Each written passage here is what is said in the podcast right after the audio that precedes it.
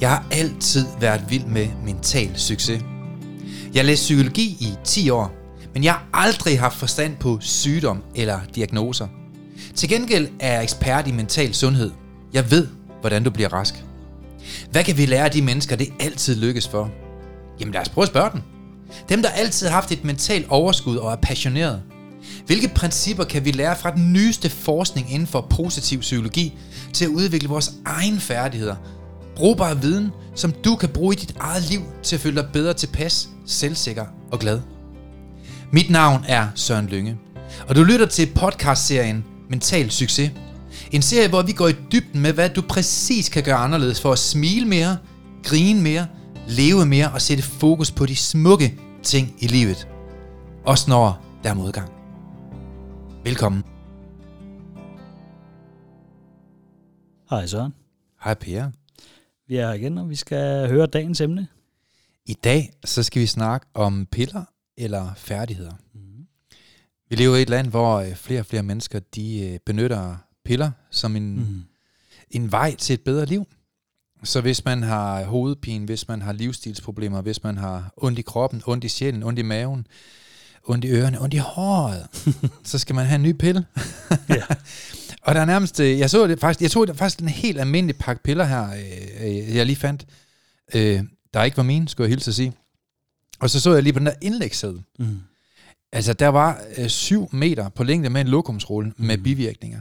Og ikke desto mindre, så æder vi dem jo forbehold i Danmark. Ja. Og jeg synes jo, der er flere og flere mennesker, der mistrives. Der er flere og flere mennesker, som mangler viden om, hvorfor taber de energi. Altså energi, altså hvorfor mangler vi energi, ikke? Øhm, og jeg synes, at der er rigtig mange mennesker, som ikke kender deres hjerne. Altså de ved ikke, der er nogle ting, man med fordel selv kan gøre anderledes. Og igen, når flere og flere mennesker bliver syge, så bliver vi nok nødt til at, at gøre noget. Og den nuværende behandling, den synes jeg ikke, den virker, for der er jo igen flere og flere mennesker, der bliver syge. Mm. Så man kan sige, meget af den der opgave, psykiatrien er stillet til at løse, har de ikke gjort særlig godt, mm. Mm. eftersom der er flere og flere, der bliver syge, og psykiatrien sluger, sluger, flere, sluger flere og flere penge ud fra vores øh, statskasse. Mm. Så mange af de professionelle penge, vi propper ind i skat, øh, de bliver brugt på at helbrede syge mennesker, hvis man kan kalde det helbred. I hvert fald, Ja, vedholde det med. ja, nogle af de bliver vedligeholdt i deres problemer, kan man ja. Sige. Ikke? Så den nye øh, behandling, eller den nuværende behandling, jeg synes, den er for dyr, den virker ikke særlig godt. Mm. Og så var det, vi fik et opkald på et tidspunkt af Mia, kan du huske hende? Mm. som ringer ind, fordi at, øh, jeg kan ikke engang huske, om det var hendes familie eller hende selv, men hun ringede i hvert fald. Vi fik i hvert fald snakket med hende, fordi hun havde massive problemer med, hun er depressiv, kan du huske? Mm. Mm. Hun var oppe i, øh, i udlandet, jeg tror det var Sverige. Jeg synes, det var sådan noget lignende. Ja, ved du hvorfor svenskere, de ikke leger gemmeleg? Det er fordi, der er ikke nogen, der gider at finde dem. det er min mening om Sverige. Nej, og, øh, men, men, øh, men hun kom jo så ind og fik øh, nogle værktøjer Mm. af, af mig, og i dag er hun i studiet. Ja. Og ser godt ud. Det må man sige. tak. Ja, det passer ikke, hvad alle andre siger. Du ser da meget godt ud. I lige måde, Søren. Tak. Mia, hun er, en, øh, hun er det, man kalder en lækker babe. Det vil jeg Sød. gerne Smilende, høj, slank. Hvor mange kærester har du? Jeg kan ikke tælle det på en hånd i hvert fald. Hun virker som en rigtig god pige, som, øh, som sætter krav til den ene sten på et tidspunkt, kunne jeg forestille mig. Mhm. Det er smukt. Velkommen. Tak. Og i dag så har jeg jo øh, valgt at få dig med, fordi jeg synes, at når man, når man ser, når jeg ser tilbage i hvert fald, mm. Hvordan du var før du kom ind til mig for mange år tilbage, der kravlede du langs væggen og var dybt depressiv. Det var bare Karen Kedelig. øh, altså, altså, du ved, med hængerøvsbuks og alt muligt, ikke? og så kommer du i dag og ser strålende ud og har fået et nyt liv. Og et eller andet sted, så kan man jo sige, at øh, din historie, den minder nok om rigtig mange andre danskers historie, som, som jo har haft nogle issues med at have det dårligt, og egentlig bare gerne vil have det bedre. Så jeg tænker, vi tager lidt hul på det i dag. Men ja. øh, Mia, har du lyst til at fortælle lidt om din... Sådan, hvordan, hvordan var dit liv, hvis vi spoler et par år tilbage? øhm, altså, jeg, har, jeg kommer fra en helt normal familie. Mm. Mm. Øh, kernefamilie med mor, far og bror. Mm. Mm. Øhm, og gået i en god folkeskole. Og så startede jeg på en 10. klasse, og hvor jeg ligesom begyndte at få nogle angstanfald. Og ja, det hele var sådan lidt gråt. Hvorfor fik du sådan noget angstanfald i 10. tror du? Jeg ved det ikke. Altså, det, det kom egentlig meget ud af det blå. Jeg tror, det var det der med, at man har gået i en, et sted så lang tid, i så mange år, Ja. og så kommer man ud og skal prøve noget nyt. Og det Mm. tror jeg egentlig måske var skræmmende for mig. Mm. Ja, Øhm, og så Hvor- reagerede min krop bare på den måde. hvor vildt. Jeg har faktisk snydt lidt i dag. Jeg har, har faktisk været rigtig flave og ringet til en af dine gamle veninder. Mm. Uh. kan du huske Isabella? Ja, det kan jeg godt. Ja, hun er, hun, altså lige sidst til jer, der lytter, Mia, hun sidder her og er lige så rød i hovedet som Peter Smeichels næse. Jeg har snakket med Isabella, dejlig søde Isabella, Ja. og faktisk spurgt hende ind til din fortid. Mm. Hun kender dig fra folkeskoleperioden, hvor hun fortæller, at, øh, at hun, hun opfatter det som, at du er virkelig en trendy, smart, sød pige, som folk de sådan så op til og synes var mega cool og helt normal og Mm. bare have det godt og var livsglad. Ja. Men så kommer du op i, i de ældre skoleklasser, og så begynder ting at gå galt for dig. Og det er jo så mange år tilbage. Mm. Altså, Mia er jo ikke øh, 10. klasses elev i dag, skal vi sige. Det er mange år siden. På ingen. Nej. Ja. Men mindre du går om syv gange, så er den været der, ikke? Bare roligt, det har jeg heldigvis Hun er 65. Nej. Nej, okay. Men hvad så? Så begyndte ting at gå galt. Ja, og så blev det egentlig bare værre at være derfra, jeg flyttede til Sverige. Mm. Øhm, og så kulminerede det hele bare. Altså, jeg gik fuldstændig i sort, og altså, jeg kunne ikke møde op på min skole, og altså, jeg græd hver eneste dag. Mm. Øhm, jeg, jeg havde det virkelig, virkelig dårligt. Hvor, hvor langt det- hen over en periode skete det? Mm, altså, det skete, jeg vil sige sådan, over et halvt år tog det virkelig fart. Det gjorde det. Ja. Wow, hvor vildt, ikke? Altså, Mm. at det kan gå så hurtigt. Ja. ja. At man kan få det så psykisk dårligt så hurtigt. Mm, Fra at være helt normal, sød, smuk, dejlig, Mm. øh, du ved. Og så bare til at have det dårligt. ja. Mm. Og det kom jo virkelig også som et chok for mig. Jeg så stod virkelig bare i den her lejlighed og var sådan, hvad fanden gør jeg nu? Ja. Øh, altså, jeg ringede til en veninde, og så bestemte jeg mig bare for, at nu skulle jeg altså bare hjem. Ja. Øhm, tog hjem til mine forældre en weekend og sagde, prøv at høre, jeg kan ikke mere. Mm. Øh, jeg har givet det her en chance, og jeg kan ikke mere. Nej. Øhm, Men vil du ikke prøve at fortælle, når du så havde det dårligt? mm, Lad os tage en aften eller en formiddag, eller hvad det kunne være. ja. Kan du ikke prøve at fortælle lidt om, hvordan, hvordan var det at have det dårligt? Altså, hvordan fungerede det? Altså, det var, jo, altså, det var jo meget psykisk dårligt. Sådan, jeg var nede i en stor, øh, ja, sort, hvad hedder det? Ja, kælder. Et stort sort, ja, Ja, stort mørk sort hul. Ja. Mm. øh, som man bare ikke rigtig kan komme op af igen. Mm. Og så begyndte det så også at gå hen til noget fysisk, hvor jeg sådan fik det fysisk dårligt, og mm. Mm. altså begyndte at kaste op og sådan nogle ting. Så Ja. alle dine negative tanker, destruktive øh, Mhm. tanker, de satte sig simpelthen i kroppen som sygdom. Ja, det gjorde det. Og det er jo det, vi ser rigtig meget. Ja, desværre. Helt vildt. Altså mange negative tanker, de sætter sig før eller siden i kroppen som sygdom. Ja, det er jo nok, det med, når man ikke reagerer på det inden, så på et eller andet tidspunkt, Ja. så skal nok, kroppen skal nok sende signaler til dem på et eller andet tidspunkt. Ja, altså hvis Så- man ikke ligesom ser advarselssignalerne og handler på dem, Mm. og får de rigtige værktøjer, så, øh, så, så tænker jeg, at ting kan gå galt. Og det gjorde det. Mm, Mm. det gjorde det. Du tog hjem til dine forældre. Det gjorde jeg. Øh, så snakkede jeg med dem, og så sagde de, okay Mia, det er fair, øh, du kommer hjem. Øh, vi pakker dine ting, og ja, det gjorde vi så dagen efter. Og så øh, siger min mor, ja, Mia, jeg tror, du skal til lægen og snakke om det her. Og så tager jeg Mm. til min læge og fortæller, hvordan jeg har, hvordan jeg har det. Ja. Øhm, og så siger hun, ja Mia, altså det lyder, det lyder ikke godt det her. Mm. Øh, jeg tror, du skal på, pil- øh, på noget medicin. Okay. Øhm, Mm. og sådan først så tænker jeg, ej, det skal jeg godt nok ikke. Altså, Mm. mm. men, men hvis det lægen, der siger det, så er det jo nok det bedste.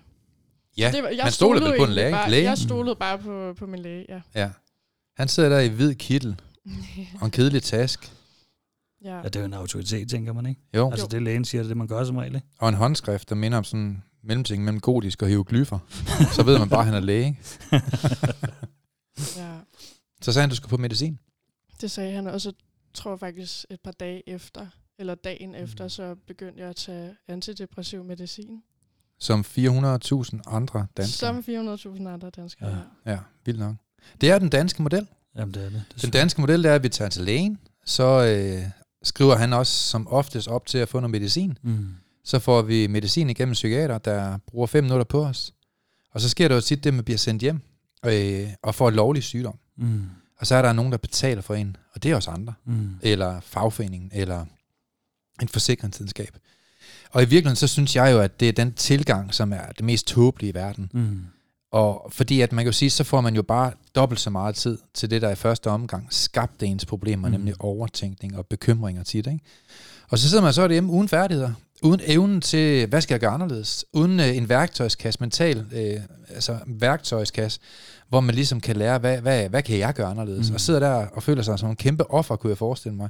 Mm. Og det har vi sådan en masse hundredvis af tusinder af danskere, der gør i dag. Men jeg tænker også, altså man kan sige, så er du kommet op, så får du medicin. Mm. Hvad sker der så ligesom efter det? Altså er det, Ja. hvordan får du hjælp der? Øh, altså, jeg, Ja, hvad skete der egentlig Ja. der så efter? jeg kom jo hos en psykiater, Mm. hvor jeg egentlig... Først så troede jeg, at en psykiater var sådan en, der måske også hjalp med nogle færdigheder. Mm. Men det var bare slet ikke sådan, det var. Øh, jeg kom jo derop, og hun trappede mig op i medicin øh, rigtig mange gange, og jeg kom også på noget andet medicin, fordi det ikke hjalp det andet. Mm. Øh, men det der med de der færdigheder, jeg følte virkelig, det var det, jeg manglede. Mm. Eller sådan Ja. en guide til, hvordan jeg kunne få en hverdag op at køre. Øh, og det var bare ikke noget, jeg fik. Nå. Mm. Så jeg endte jo egentlig bare med at være derhjemme, og selv skulle sådan prøve at få mig i gang igen. Ja. Ja. Men det er, det er jo helt vildt svært. Hvordan, øh, altså, øh, jeg, jeg tænker sådan lidt, hvordan føles det at være på det her medicin? Øh, det føles øh, meget, meget ubehageligt. Mm. Altså, man bliver meget hurtigt afhængig af det. Ja, Øh, og sådan, man får en eller anden følelse af, at man er ligeglad med alt. ja, okay. Øh, eller det var i hvert fald sådan, jeg ja, havde det. Ja. Øh, ja, sådan lidt følelseskold på, på alle parametre. Det er meget sjovt, du siger det, for jeg har hørt den der rigtig mange gange. Ja. Og det er faktisk lidt ligesom penicillin. Penicillin, det tager jo alle de dårlige ting i vores krop. Det tager faktisk også rigtig mange gode ting i vores mm. krop. Og lykkepiller, det er ganske rigtigt, at de går ind og tager mange af dine destruktive, helt la- lange og tunge følelser, der er virkelig dårlige. Men det gør faktisk også, at vi ikke griner så meget. Mm. Og for nylig har man lavet en undersøgelse i England, hvor man har analyseret, hvor mange gange griner vi egentlig per dag. Og man ved, at et barn griner cirka 150 gange om dagen, men en gennemsnitsvoksen griner fire gange om dagen. Så kan man sige, okay, hvad gik der galt? Mm. Altså, vi burde nok være lidt mere, mere ligesom børn. Altså, de kan give hinanden en af en baseballkølle af plastik den ene dag, ikke? og så er de super gode venner Ja. ja. to minutter efter. Ikke? De er bedre til at tilgive, de er bedre Mm. til at sige pyt, de er bedre til ligesom at rejse sig selv op og komme videre, hvor igennem vi voksne, vi bliver bitre og indebrændte og isolerer os og tilbagetrækker os og, og har faktisk mange dårlige, kedelige egenskaber, som gør, at vi forbliver i vores elendighed. Men jeg, lå, jeg så lige på nettet, mens, øh, vi, øh, øh, mens vi forberedte os her i dag, at øh, psykisk sygdom, som man jo sige, dit var, øh, Mia, Ja. det er den største sygdomsbyrde, vi har i Danmark. Den er større end kræft og hjertekarsygdom til sammen.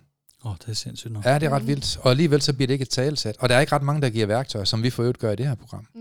Jamen, det er jo tabu. Altså, det er jo tabu. Altså, Ja. det, det synes Ja, jeg selv i hvert fald, ja. dengang jeg skulle spørge om hjælp, Mm. mm. at det er et tabu at spørge om hjælp og sige, at man har det der, øh, svært mentalt. Mm. Ja. Øh, og det tænker jeg, det må du også opleve. Ja, bestemt. Ja. Altså, det var jo egentlig kun den nærmeste familie, jeg snakkede om. Ja. Eller med Mhm. det om. Det var faktisk kun mine forældre og min Mhm. bror. Øh, og senere hen fortalte jeg det så til min, altså nogle andre. Ja. Men det har været rigtig, rigtig svært. Ja, Og det er jo ikke noget, som man taler særlig meget om. Nej, Hvilket desværre. også, er, også er ærgerligt. ja 100 procent. Øhm, fordi det er jo egentlig noget, jeg synes skal normaliseres. Det Ja. skal jo ikke være sådan, uh, hvor er det farligt. Nej, det, og altså, det er jo det, der tit er, ikke? Jo, præcis. Mm. Jo, så er man nok bange for at sige, okay, men jeg, jeg har kæmpet med det, jeg har haft det svært med det her. Mm. Jeg har oplevet det her, øh, og hvad man gjorde. Fordi, kan man sige, åbner man op for det og snakker med andre, Mm. så nogle gange kan man også, øh, hvad hedder det, ja, få nogle bedre redskaber til ligesom at, ja, måske at snakke med sine venner om det. Øh, Mm. hvad, hvad har de gjort? Øh, man Ja. kan lære hinanden i stedet for, og i stedet Mhm. for, at det bliver tabu, og det bliver mere normaliseret, at man snakker om, hvor man har det. Mm. Det synes jeg 100% at det bestemt. Det er vigtigt. Så nu sidder vi og snakker om det der med sygdomsbyrden. Mhm. Øh, og jeg, nu ved jeg ikke, om du har nogle tal på det, men har, har du en idé om, hvad, hvad det egentlig koster samfundet?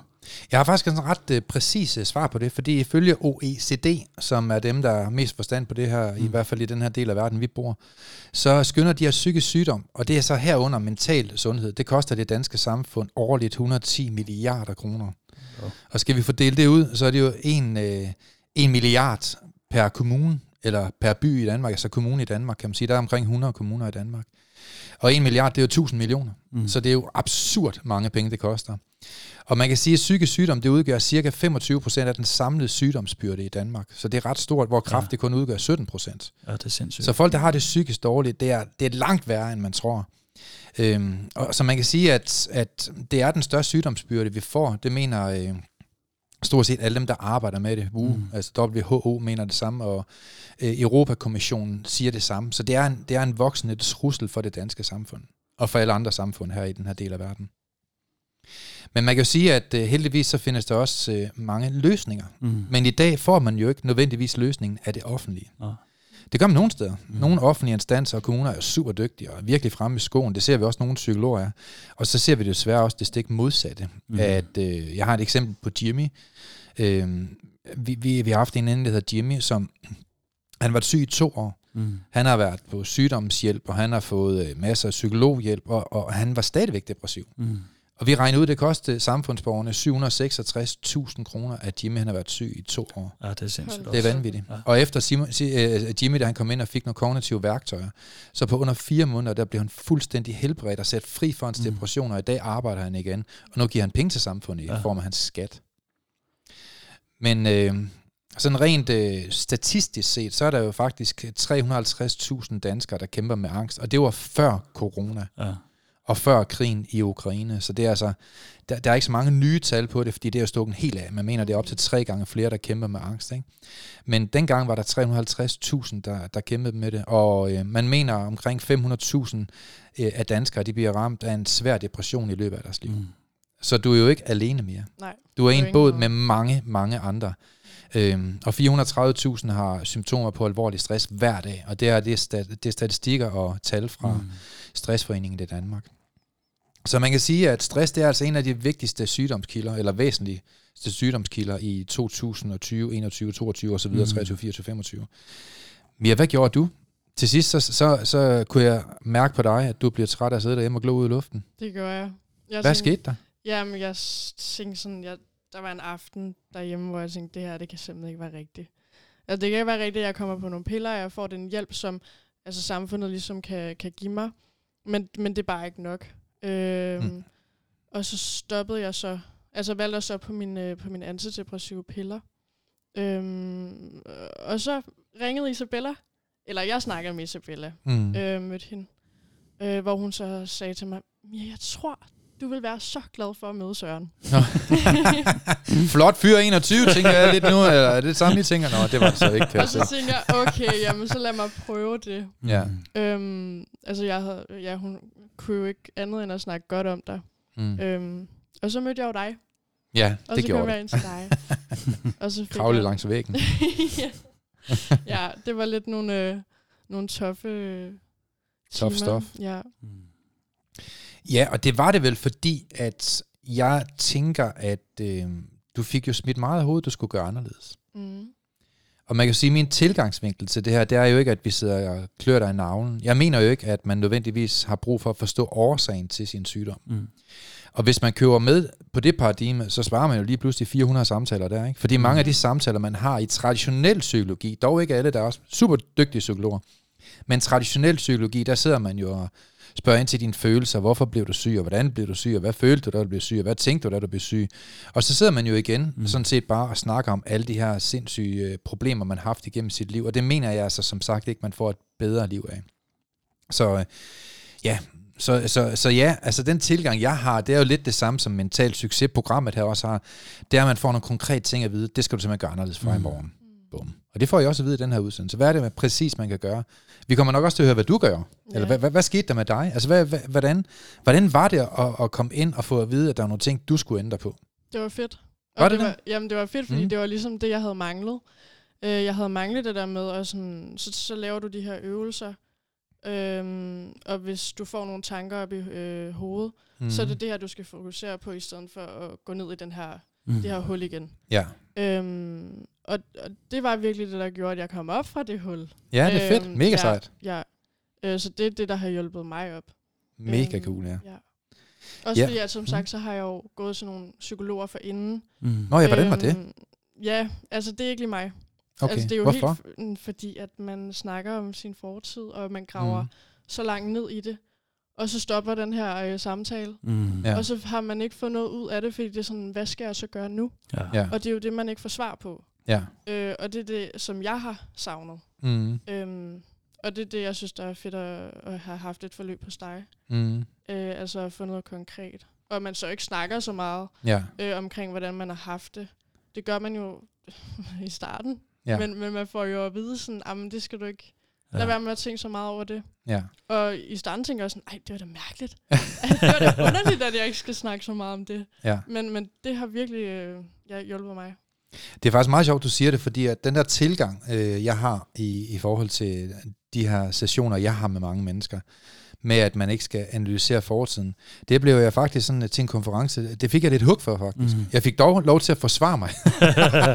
Men jeg fik lidt hug til sådan en forskningskonference, fordi at det var lidt den tilgang, det er jo den danske tilgang, Mhm. det er at sidde og, og forklare omkring fortiden, og hvorfor har jeg det svært, og hvorfor sidder jeg skæv på potten, og potten er også kold, og alt muligt andet. Der er en Mhm. milliard ting galt for barnets ben, ikke? Men i, øh, i, på et tidspunkt for mange år tilbage, der, var jeg, der fik jeg anledning for at være med i noget, der hedder The Science of Wellbeing, øh, igennem en professor i psychology over fra USA. Mm. Og der brugte vi rigtig meget tid på at forske i, kan hjernen skille imellem tid? Og det er der jo rigtig interessant, måske for jer lytter at vide omkring din hjerne, fordi alle hjerner fungerer ens, vi programmerer den bare forskelligt. Så jeg ved Mm. en del om din hjerne, øh, fordi den fungerer fuldstændig ligesom min hjerne. Og pointen er, at for dig er fortiden måske for 10 år siden, eller for to uger siden, eller for to dage siden, men for din hjerne er fortiden for et sekund siden. Mm. Og for dig er fremtiden måske om 10 år, eller om to år, eller i overmorgen, eller i næste uge, men for din hjerne er fremtiden om et sekund. Så hjernen kan ikke skille i tid. Så når vi eksempelvis vælger at fokusere på alt det, der er sket, så lever hjernen faktisk de her traumatiske oplevelser mm. igen og igen. Og det er også det, der kan være med til at skabe både stress og PTSD. Det er, at hjernen får den her oplevelse ind millioner af gange. Vi, græder, mm. vi, vi griner ikke af den samme joke to gange. Nogle mennesker i hvert fald. Per han er god til at grine af min joke med en gang. Det er rigtig rart, Per. Tusind tak. Jeg skylder Ja, en man, er bajer. nødt, man er nødt til at være støttende, ikke? Åh oh, nej, du drikker ikke alkohol. Men altså, man griner ikke, normalvis griner man ikke over den samme joke to gange, mm. men man græder over det samme problem 200 gange. Ja. Og hvorfor gør vi det? Altså, hvad, altså, vi mener ikke herinde hos os, at man nødvendigvis behøver at analysere fortiden for at få en bedre fremtid. Nej. Men det virker meget godt på dig så. Det gjorde det. Fedt. Ja. Hvad fokuserer vi så på, hvis det ikke var alt det, der har været sket i din fortid? Jamen, så, fokus, vi, så fokuserede vi på sådan drømme, og Mhm. mm. altså sådan mere at kigge fremad mod nogle gode ting. Mm. Ja. Øhm, og det har jo også hjulpet det der med, at man ligesom skaber sig en ny fremtid, Mm. Mm. i stedet for netop at kigge tilbage. Ja. Øh, men så også det der med, sådan, at man skal leve i nuet også. Ja. Øhm, og man skal værdsætte de ting, man har. Ja. Mm. Øhm, altså det har lært mig rigtig meget, det der med, Mhm. at man skal værdsætte, hvad man har omkring sig, og være taknemmelig. Ja, det er jo faktisk en af de øvelser, du er rigtig glad for. Ja. Yeah. Det er jo her, der, hvor- der, der går man jo igennem en slags tortur, Per. Man skal jo, øh, man skal jo faktisk 10 gange om dagen skrive op fysisk, Mm. hvad man er taknemmelig for. Og man må aldrig sige det samme. Og det er jo nemt de første 10 dage. tak fordi jeg har, ja, ja, jeg har fået en frikadelle med det. Og sådan noget. Altså, det er jo nemt i starten, ikke? Men, men jo længere hen man kommer på ugen, jo sværere bliver det jo. Mm. Men det er faktisk med til at omprogrammere vores hjerne. Mm. Og det er jo meget spændende, fordi hvis vi har en hjerne, der er meget, meget depressiv, og du propper mere taknemmelighed ind, så bliver hjernen jo ikke dobbelt så stor. Der bliver bare mindre plads til det depressive. Mm. Så det er meget simpelt, det er ikke raketvidenskab. Altså vi kan regulere og styre vores egne tanker, for de tanker, de lever kun i henhold til den energi, vi ligger i tankerne. Så jo mere energi, tid og fokus vi lægger i en tanke, jo mere magt får den over os. Mm. Så dermed kan man jo selv være med til at bestemme, hvad der er godt og hvad der er skidt. Og der kan jeg jo stille mit yndlingsspørgsmål til jer, der lytter på i dag. Jeg har brugt to år på at lære den her, så hør godt efter. Den sidder lige i skabet, når jeg spørger. Hvis du bevidst kunne vælge mellem de tanker, der gør dig godt, eller de tanker, der gør dig skidt, hvilke tanker vil du så vælge? Og de fleste, de siger jo så til mig, jamen Søren Lynge, så vælger jeg de tanker, der gør mig godt. Og der ved både du og jeg, at de fleste, de fylder sig selv med løgn. Mm. Fordi faktum er, at mange mennesker, de vælger ubevidst at fokusere på alle de tanker og de ting, der gør dem skidt. Og der har du forklaringen på, hvorfor mange mennesker har det skidt. Mm. Det er faktisk, fordi vi fokuserer på alt det, der er skidt i vores liv. Og jeg tror, en af de store, smukke ting, der skete med dig, både indvendigt og udvendigt, det var jo, at du begyndte at fokusere fuldstændig anderledes. Og til jer, der er psykologer, der lytter med i dag, vi ved, der er en flok af jer. Velkommen til jer. Så hedder det jo kognitiv fleksibilitet, Mm. meget af det, du lærte. Ja. Men hvad gjorde det ved dig mere? Øhm, det har forandret mig fuldstændig jo. Altså, jeg har været meget, meget negativ førhen. Og som du siger, det der med, altså vil du helst vælge de tanker, der gør dig godt eller dårligt? Mm. Og jeg har, jeg har altid valgt dem her, som har gjort mig dårligt. Mm. Ja. Altså, jeg har næsten sådan kunne lide det der med at, at være lidt negativ altid. Mm. Mm. Øhm, men, men det, ja, det, det kan jeg ikke mere. Det kan du Altså, ikke? nej, det kan jeg ikke. Ej, hvor vildt. Jeg prøver virkelig sådan... nej, men, ja, Hvor er det stort smukt.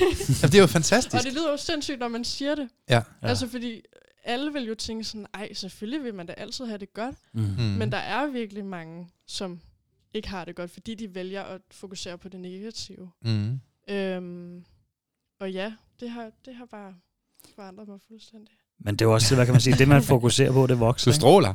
Ja, Ja, det må er man sige. Ja. Utrolig meget smil. Du har smilet hele vejen igennem, Ja. når vi sidder her. Mhm. Det er totalt Ja. dejligt jo. ja, det er fantastisk. Men som man siger det der med, at det man fokuserer på, det er jo også det, er jo det der vokser. Mm. Så man kan ja. sige, har man fokus på alt det negative, så er det også det, du vil se. Og Ja. har fokus på det positive, så vil du sjovt nok også begynde at se mere positivt på det. Jo, så handler det jo i virkeligheden om, at herinde der træner vi jo ikke folk i at dulme med smerten, ja. som man gør ved en læge. En læge giver jo en pille, men en pille kan jo ikke løse dit problem. Nej. Altså man er jo mere en blank, hvis man tager til en læge og tænker, nu bliver alle mine problemer løst. Mm. Ja. det gør de jo ikke. Altså mange gange, så er det jo ikke, øh, så er det ikke en kemisk ubalance i hjernen, der gør, at vi har det svært. Det er livsstilsproblemer. Langt de fleste ting, at mennesker de, de trives dårligt over, er deres egen selvskabte livsstilsproblemer. Og mange gange, så er mange mennesker så uvidende, at når jeg siger det til dem, så bliver de simpelthen så vrede på mig, fordi ja. Ja. de tænker, det er min mor, det er min far, det er min arbejdsgiver, ja. det, er, det er tilfældigheder. Øh, nej, du kan faktisk gøre rigtig mange ting anderledes. Men herinde, der træner vi som sagt ikke, at folk øh, skal dulme smerten. Vi træner dem i at løse smerten mm. igennem at arbejde med deres livsstil. Og det er jo sådan set også det, at vi rigtig meget gjorde med dig, Mia. ja. Vi tog din livsstil op til revurdering og sagde, altså, hvor meget elendighed skaber du egentlig selv? Mm. Altså ved at tænke på elendighed, og hvor meget produktivt gør du for at så frø til at få et bedre liv? Mm. Og det kunne stå på højkanten af et frimærke i starten. Du lavede jo ikke meget. Du, du var meget isoleret, kan jeg huske, du fortalte. ja, det var jeg. Er det ikke rigtigt? Jo, altså jeg arbejdede jo ikke, og jeg havde jo stoppet på min skole. Mm. Ja. Øhm, så jeg var ligesom sådan afskåret fra alt det sociale, Mm. og arbejdede lidt for min far derhjemme, så det var egentlig bare min familie, jeg så Ja. hver dag, men ikke mere end det. Ja. Ja. Det bliver Ja. også hurtigt en indspist lille tilværelse, ikke? Jo, jo man kan sige, så lukker man sig jo bare mere og mere ind, ikke? og man Jo. kommer ikke ud og får det sociale, og Mm. Ja. så får man det sværere og sværere. Og, Jamen det er det, jeg fik det også sådan, hvis jeg skulle ud og mødes med en veninde, jeg fik det jo helt mærkeligt, jeg var sådan, Mm. ej, det her det er lidt ubehageligt på en eller anden måde, Ja. øh, fordi det er så lang tid siden. ja, så tænker jeg også, at næste Mm. gang man skal det, så tænker man vel det samme allerede inden. Ja, Mm. ja. Fordi det er jo også, så vokser det på den måde i stedet for. Ikke? Mm. I forhold til det andet der med psykologen der, nu kan man sige, nu har jeg jo selv været igennem hele vejen med psykologen også. Mm. Og det der med, at du snakker om det der med, at det, man går hen og snakker om noget, så tager man det med sig, øh, og får brugt op i en hel masse. Så Ja. går du hjem og sidder med det, Mm. indtil du skal derhen næste gang. Der Ja. kan gå fire uger. Der kan også gå Ja. fem uger, før du kommer derhen næste gang. Ej, det er vildt. Det går for langsomt, det der, ikke? Jo, så kan man sige, så er du Ja. ja. stadig det der i hovedet nu. Okay, men nu Ja. har jeg lige hævet op i et eller andet, ja, som jeg ikke har det særlig godt med. Mm. Så går man og fokuserer på det, ikke? Ja. Og det er jo også der, hvor du gør det på en helt anden måde.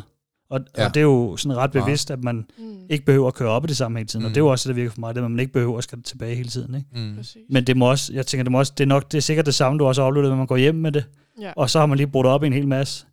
Øh, og så kan man gå og have det dårligt over det. Det er jo det, man kan jo ikke lade være med at gå hjem og tænke over det. Nej. Øh, så den sidder der jo egentlig bare sådan, og ja, som du selv siger, man venter jo så på, hvad, Mm. altså næste gang, så skal jeg jo snakke om det her igen. Mm. Fordi det er jo det, man hele tiden har inde i, inde i hovedet. Men hvad hedder det? Altså, så det er jo lidt som det, der du også kommer ind på tit, det der med, at man, Mm. mm. det der med at være nærværende med hjernen, der ikke kan kende øh, forskel på tid. Men kan du prøve at uddybe lidt Mm. i den?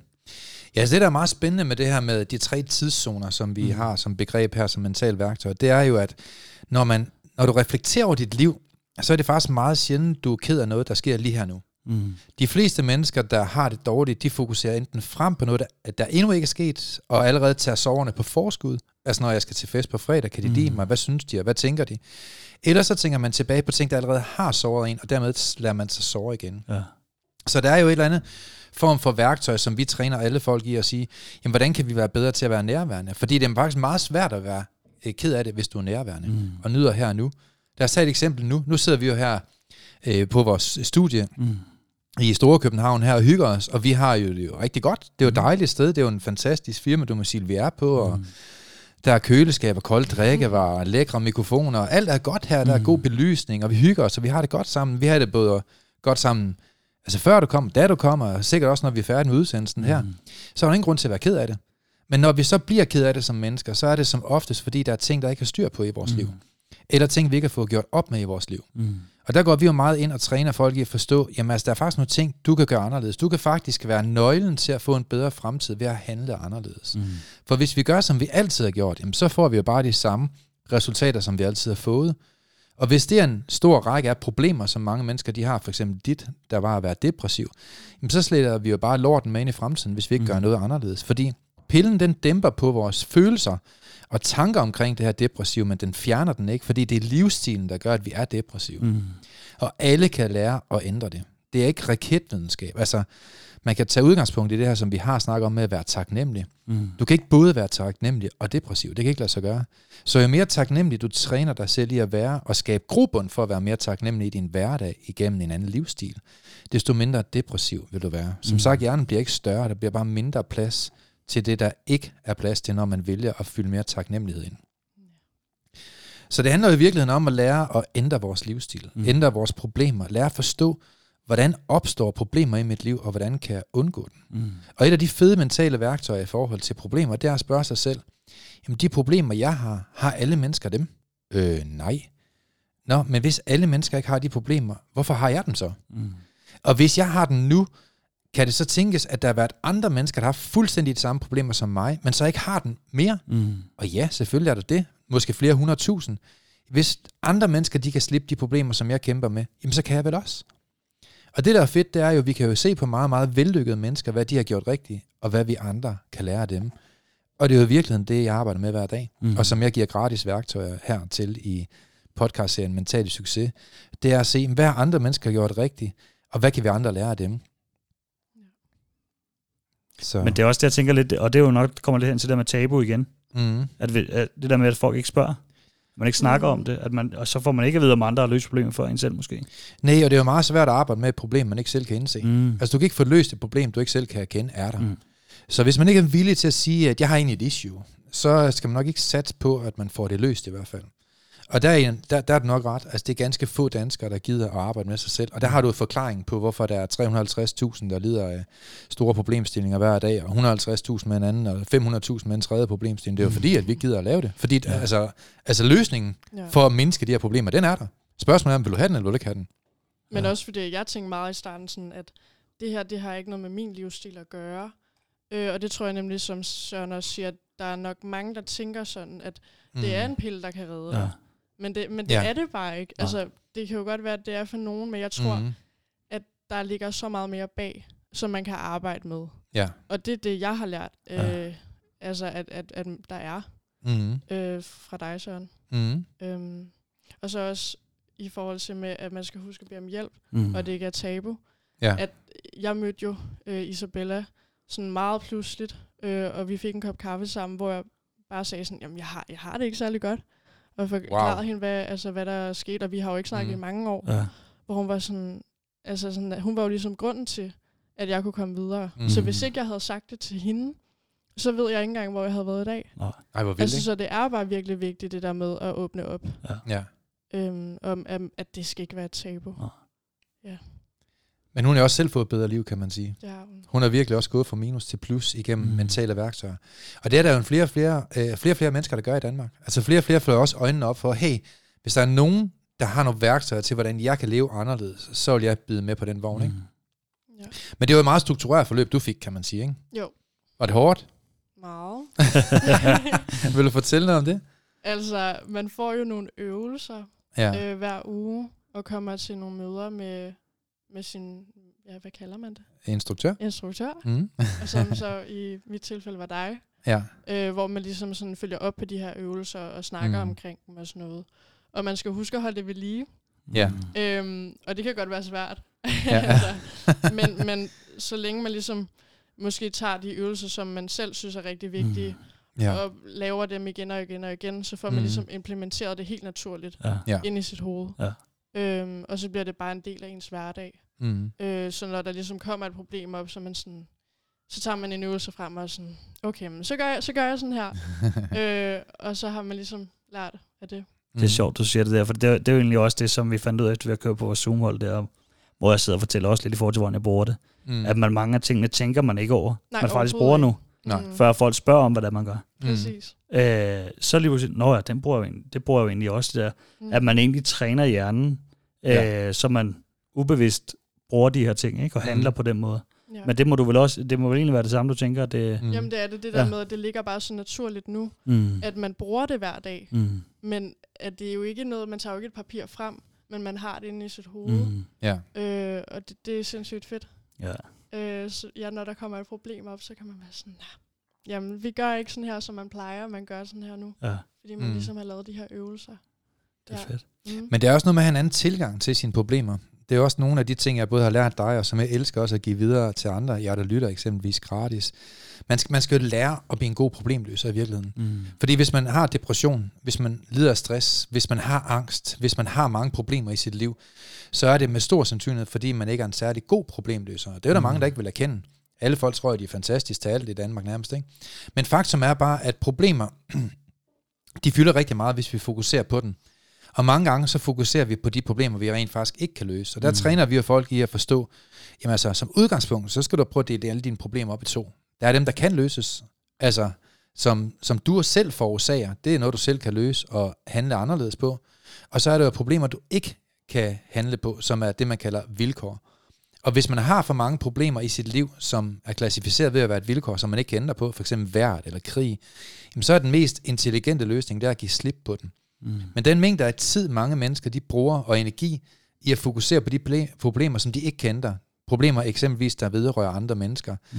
det er jo spild af vores mentale ressourcer, fordi mange mennesker, de bruger faktisk rigtig meget krudt på ting, problemer, bekymringer, som de ikke kender på alligevel.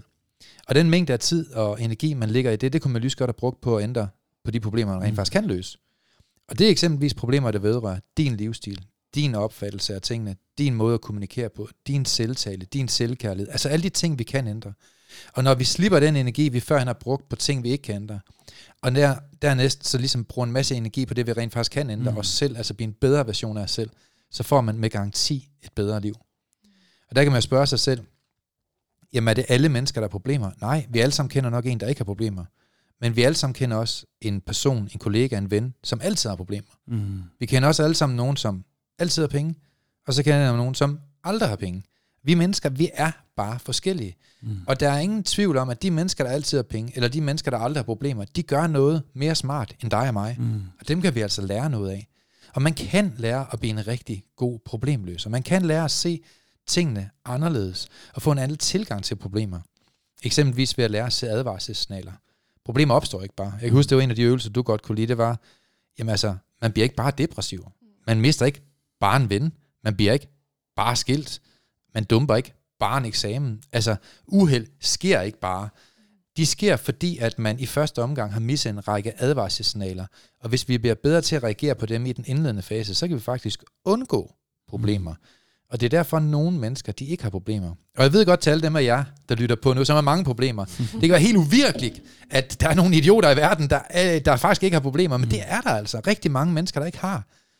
Øh, selvfølgelig er der nogle vilkår, der rammer os som mennesker. Vi dør eksempelvis, mm. øh, og al kærlighed ender ulykkelig. Den ene dør. ja. øh, men, men når det så er sagt, så er der faktisk rigtig mange ting i vores liv, vi kan være på forkant med, hvis vi udvikler vores færdigheder. Ja, så kan man sige også, at løser man et problem ad gang af det, man har. Ja, øh, at dele dem lidt op, ja, tag en af gang. Få dele dem op, og så starte et sted med det, der er. Og så kan man sige, når man først har løst det ene, så er der mere overskud til næste, og så kan man mm. egentlig... Og specielt hvis man giver slip på alt det, man ikke kan løse, ja, så er der præcis. meget mere energi til overs. 100 procent. Og hvis så man ser på nogen, der har været bedre til det end en selv, så er der også inspiration til at takle ja. det på den mest intelligente måde. 100%. Hvordan har du det i dag, Mia? Jeg har det rigtig godt. Fortæl lidt om din hverdag i dag. Jamen, øh, jeg går på HF, mm. øhm, og har en drøm om at gå på DTU og mm. lave noget inden for ja, det. Øhm, og så bor jeg i en dejlig lejlighed, og har nogle dejlige venner, og passer på dem. Mm. Og holder af min familie, og passer også meget på dem. Er du i godt humør? Det er jeg. Det er meget tit. Ja.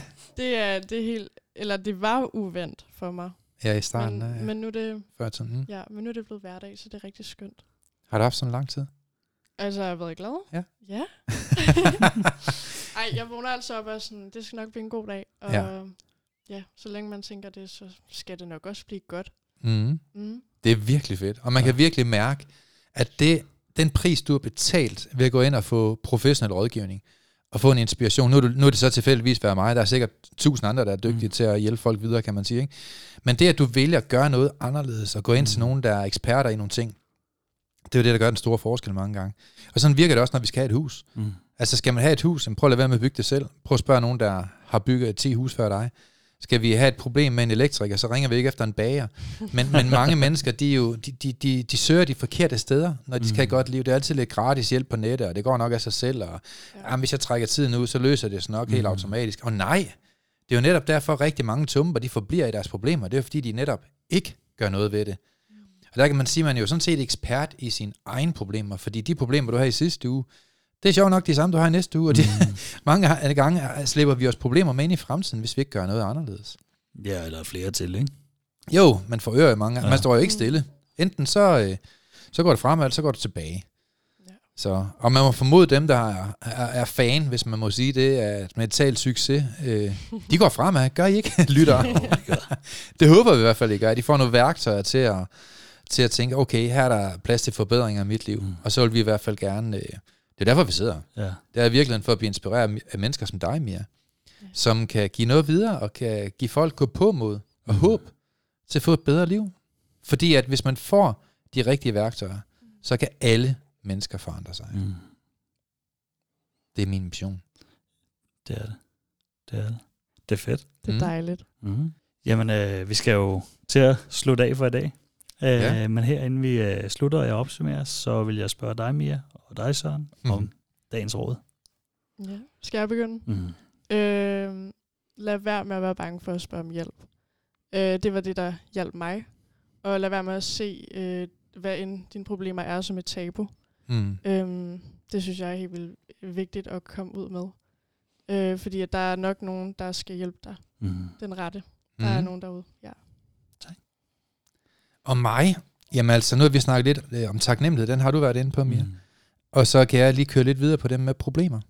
Rigtig mange mennesker, de tror jo, at de har rigtig mange problemer. Og jeg havde en, en klient forleden dag, som siger, at jeg har tusind problemer. Så siger jeg, fedt nok, må jeg lige prøve at høre dem? Okay, jeg har ikke tusind. Nå okay, men hvad har du så? Øh, måske 500, siger han så. Fedt, lad mig høre dem en gang. Faktum er bare, det vi fokuserer på, det vokser, ikke? Og han har virkelig fokus på alle hans problemer. Han synes mm. bare, de fyldt meget, ikke? Og jeg elsker at drille folk på den konto der. Øh, så jeg siger, så nævn mig 200. Ah, siger jeg så. 50, 20, 7. Faktum er bare, at vi har aldrig så mange problemer, som vi går og regner med. Mm. Og, og til sidst, så kan man faktisk, hvis man er rigtig flabe, så kan man koge sine problemer ned til to. Enten så har man problemer med struktur i sit liv. Struktur, det handler om at komme i seng til tiden. Det handler om, når vi har været i byen, og vi har været inviteret ud til et glas champagne, og vi får en god middag, så går der mindre end 24 timer, så skriver du tak for i går, eller ringer og siger tak for i går. Det er en regel. Sådan er reglen. Det er struktur for at behandle andre mennesker med respekt. Struktur, det er, at vi kan pakke vores tøj, vi kan planlægge vores liv, vi kan mm. styre på vores konto, vi har styr på vores hjem, at når vi ruder noget til, så ruder vi det også op igen, rydder det op igen. Det er struktur. Ellers så har vi problemer med kommunikation. Mm. Og man kommunikerer med to individer hver dag. Sig selv og med andre. Og hvis man ikke har en god selvtale, selvkærlighed og kommunikerer sundt med sig selv og struktur i sin hverdag, så, så er man bagud på point, synes jeg i hvert fald. Mm. Så til jer kære lyttere, mange gange, så kan vores problemer koges ned til to. Enten så er du problemer med struktur, eller med kommunikation. Og hvis du oplever, at du kommunikerer på en måde med andre mennesker, eller dig selv, som skaber mistrivsel, problemer, diskussioner, dårlige forventninger, skuffelser, så husk at gøre, som Mia hun siger. Spørg om hjælp.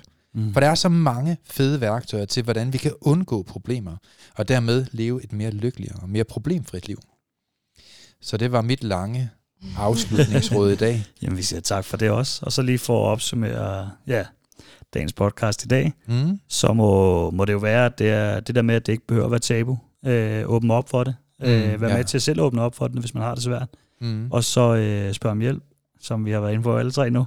Ja. Øh, ja, og så, hvad hedder det, få arbejdet med sig selv, have fokus på struktur, mm.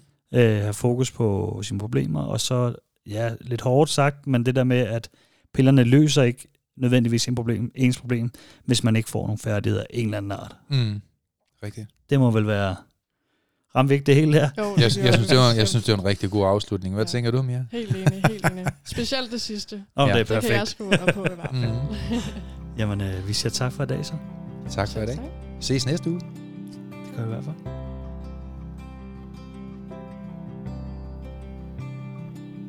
Vi er glade for, at du har lyttet med på podcastserien Mental Succes. Hvis ugens emne har givet dig værdi, så er du meget velkommen til at dele det på sociale medier. Og hvis du har lyst, så har du mulighed for at møde os hver måned, når vi turnerer Danmark rundt med åbne foredrag og giver mentale værktøjer væk. Vi glæder os til at se dig på mentalsucces.com. Vi ses i næste uge.